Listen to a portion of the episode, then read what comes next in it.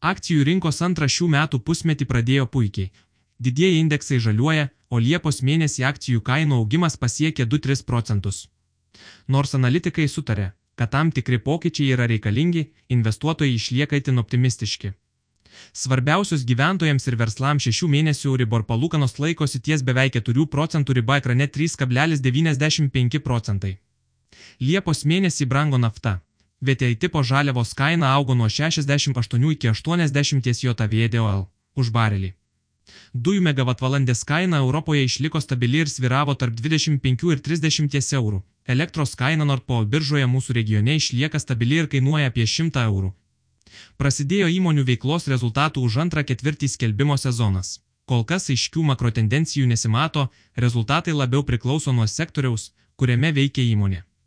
Bankų sektorius aukštų palūkanų kontekste fiksuoja pelnų augimą. Telekomunikacijų ir technologijų įmonėms praėjusį ketvirtį sekėsi įvairiai. Pavyzdžiui, Google ir Meta rezultatai nustebino teigiamai, o Microsoft priešingai.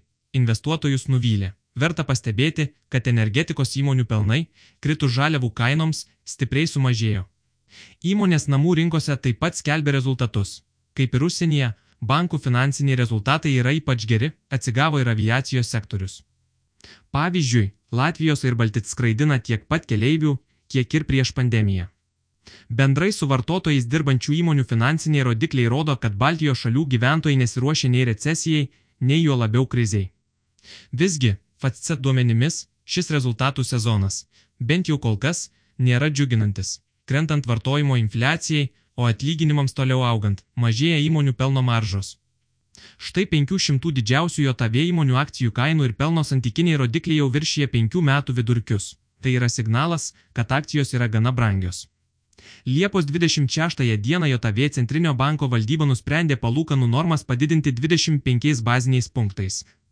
Tokį patį sprendimą Liepos 27 dieną padarė ir Europos centrinis bankas. Jis palūkanas taip pat padidino 25 baziniais punktais. Abiem atvejais tokių sprendimų tikėjosi tiek investuotojai, tiek analitikai, todėl šios naujienos reikšmingos įtakos finansų rinkoms neturėjo. Žymiai įdomesni bus kiti centrinių bankų susitikimai ir sprendimai.